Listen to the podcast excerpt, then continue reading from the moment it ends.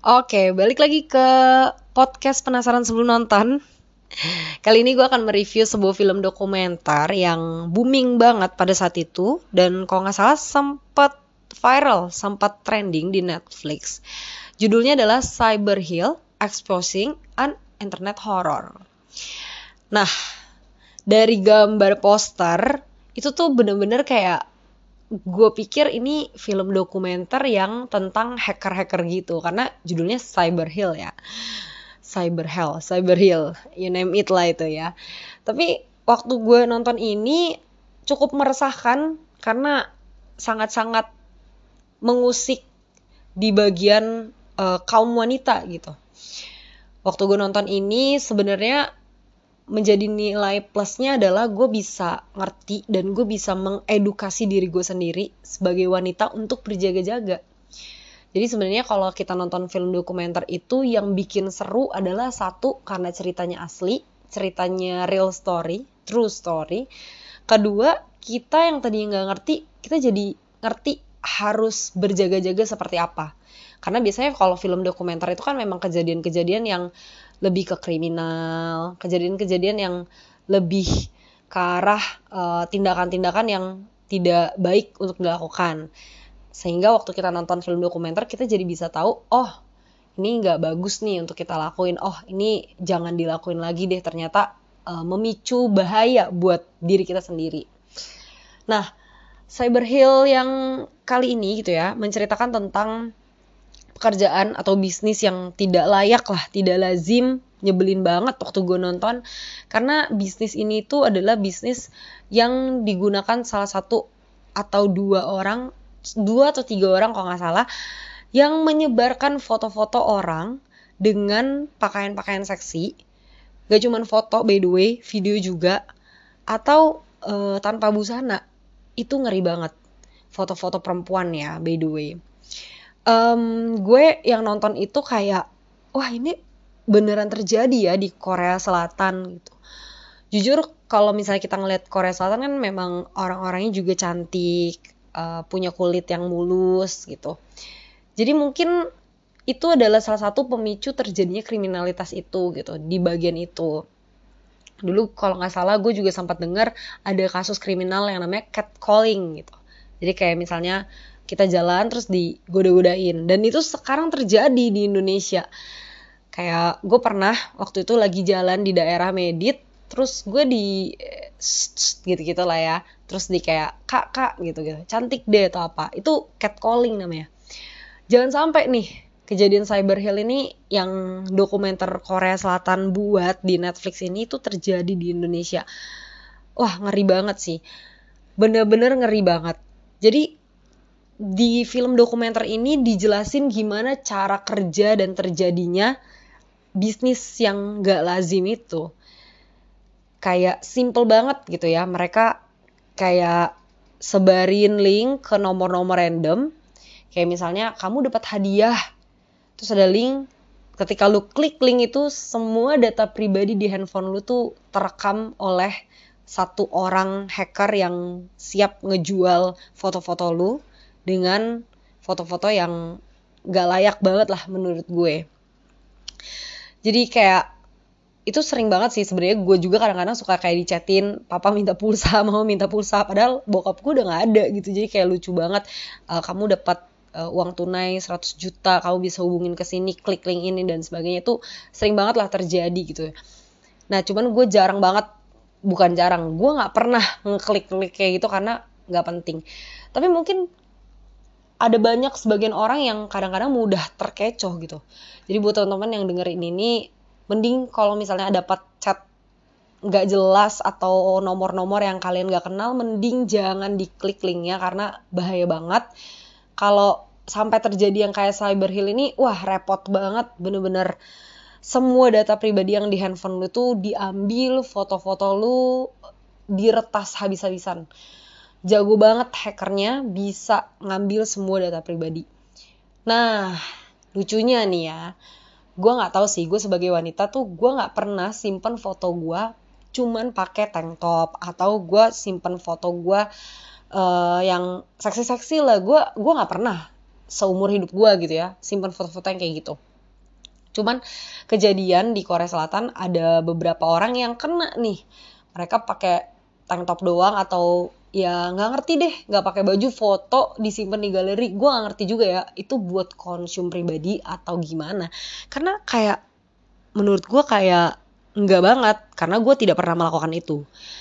Nah jadi waktu datanya diretas ya foto-foto itu masuk ke si hacker ini. Kalau nggak salah penyebutannya adalah baksu kalau nggak salah. Nah si baksu ini um, semua foto-foto lu dan disebar ke grup. Nah, grup chatnya ini gitu ya. Ada namanya kalau nggak salah, gue lupa. Dan grup chatnya ini isinya orang-orang yang gak jelas semua gitu. Orang-orang yang hasratnya membutuhkan foto-foto seperti itu. Jadi si Baksu ini cari duit dari orang-orang yang pengen menikmati foto-foto yang gak lazim itu. Foto dan video-video gitu. Jadi kalau misalnya satu foto bayar berapa dolar gitu ya. Terus kalau video bayar berapa juta kayak gila banget sih. Gue menurut gue kayak nggak normal banget. Lu bayar berjuta-juta cuman buat minta video kayak gitu gitu. Bahkan yang lebih ngeri banget gitu ya. Um, semua korban-korbannya hampir semua itu disuruh bikin video seksualitas yang menyakiti diri sendiri. Gila menurut gue kayak udah nggak di luar nalar gue gitu tapi ini bener-bener real story bener-bener terjadi di Korea Selatan dan ini menjadi satu uh, peringatan gitu ya buat para kaum wanita uh, perempuan termasuk gue pribadi. Itu bener-bener jangan sampai kita terkecoh sama tipu-tipuan uh, di berbagai jejaring media sosial kita termasuk apa yang kita upload sebenarnya. Karena apa yang kita upload itu bisa jadi ya dipergunakan orang-orang yang iseng orang-orang yang gak jelas yang gue jelasin tadi. Nah, singkat cerita, akhirnya um, salah satu korban itu coba ngelapor gitu ya. Ketahuan sama si Baksu ini. Emang gue lihat sih dari film dokumenter ini si Baksu dan kalau nggak salah ada di atas Baksu lagi yang lebih jago hackernya. Mereka tuh bisa mantau setiap talent-talentnya mereka ketahuan akhirnya diancam gitu ya. Kalau misalnya lu uh, gak kirim foto yang lebih parah misalnya gue akan sebarin semua data diri lu. Sampai data sekolah data kartu identitas itu bener-bener ngeri banget. Karena kalau di Korea tingkat bullyingnya kan gede banget ya. Ketahuan lu melakukan sebuah hal yang gak lazim lu akan menjadi bulian buat orang-orang. Nah mungkin uh, jadi seorang korban yang waktu itu tuh ngerasa tertekan juga ya, stres juga gitu sampai yang kayak uh, si Baksu ini pernah ada nyuruh uh, salah satu korban itu bunuh diri loncat dari lantai berapa. Aduh, gila banget gitu se ekstrim ini gitu. Cuman perkara ngeklik link yang lu penasaran linknya apa. Aduh, ini bener-bener was-was banget buat kita semua yang dengar ini jangan sampai kita tuh ngeklik link sembarangan. Bener-bener ngeri banget. Baik itu di WA di Instagram di browser di mana pun. Wah nggak ngerti deh. Orang zaman sekarang tuh bisa canggih-canggih gitu teknologinya.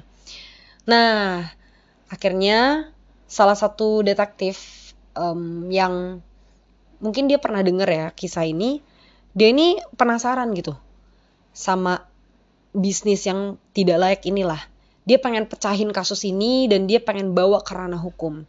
Si detektif ini cowok by the way. Lalu waktu dia coba untuk eh, pura-pura masuk ke grup yang orang-orang mesum itu, dia malah kejebak gitu di dalamnya. Tiba-tiba info pribadi dia diretas sampai foto keluarganya juga mereka tahu. Ngeri banget kan, maksudnya keluarga itu uh, privasi kita gitu apalagi si bapak ini uh, detektif ini tuh punya anak. Sengeri itu gitu. Jadi jadi ancaman buat dia. Tapi mulai beberapa detektif mulai muncul. Yang cewek mulai muncul yang e, cowok baru lagi mulai muncul. Pokoknya beberapa detektif mulai muncul dan mulai bekerja sama untuk memecahkan kasus ini secara bersama-sama. Karena kan kalau pecahin kasus itu memang tugasnya detektif. Baru e, bagian yang kayak penangkapannya polisi. Nah, bagian yang hukumannya ditentukan oleh uh, waktu sidang gitu ya, hakim, uh, pengacara dan lain sebagainya. Gue juga baru tahu sih di bagian ini, oh sedetail ini ya pekerjaan di ranah-ranah hukum gitu. Dan berhasil, akhirnya berhasil ketemu uh, siapa uh, dalang dari semuanya. Gue seneng banget waktu di ending kayak akhirnya ketemu, nggak nggak set ending, uh, akhirnya menjawab dan semua situs situs-situs yang ada itu langsung diblokir sama bagian IT-nya, langsung diretas, langsung diselamatin, setiap korban-korbannya langsung ditemuin sama beberapa polisi, beberapa detektif untuk diinterogasi lebih lanjut, untuk ditenangin lagi, untuk untuk bisa comeback lagi. Ya gila sih menurut gue pasti itu ada trauma yang luar biasa yang mendalam dan identitas seluruh korban dirahasiakan oleh hukum. Gue suka banget hukum Korea segercep itu segesit itu dan itu prosesnya cukup lama sebenarnya. Tapi menurut gue mereka cukup sigap. Ketika mereka tahu ada kasus ini mereka langsung cepat-cepat beresin mereka langsung cepat-cepat cari tahu gimana nya dan ya gak nunda-nunda akhirnya mereka ketemu walaupun dalam beberapa bulan gitu. But it's okay menurut gue daripada nggak sama sekali gerak jadi ini pelajaran sih buat kita dan kalau teman-teman penasaran pengen nonton Cyber Hill Exposing an Internet Horror, kalian bisa nonton di Netflix. Bagus buat edukasi dan juga tenang aja beberapa gambar-gambar, bukan beberapa tapi semua gambar-gambar yang nggak layak, nggak lazim itu disensor karena bukan bu buat kebutuhan publik tapi film ini untuk mengedukasi kita. Tapi buat teman-teman yang masih di bawah 17 tahun, saran gue adalah dapat bimbingan orang tua. So guys, itu aja review singkat penasaran sebelum nonton. Sampai ketemu di episode berikutnya. God bless.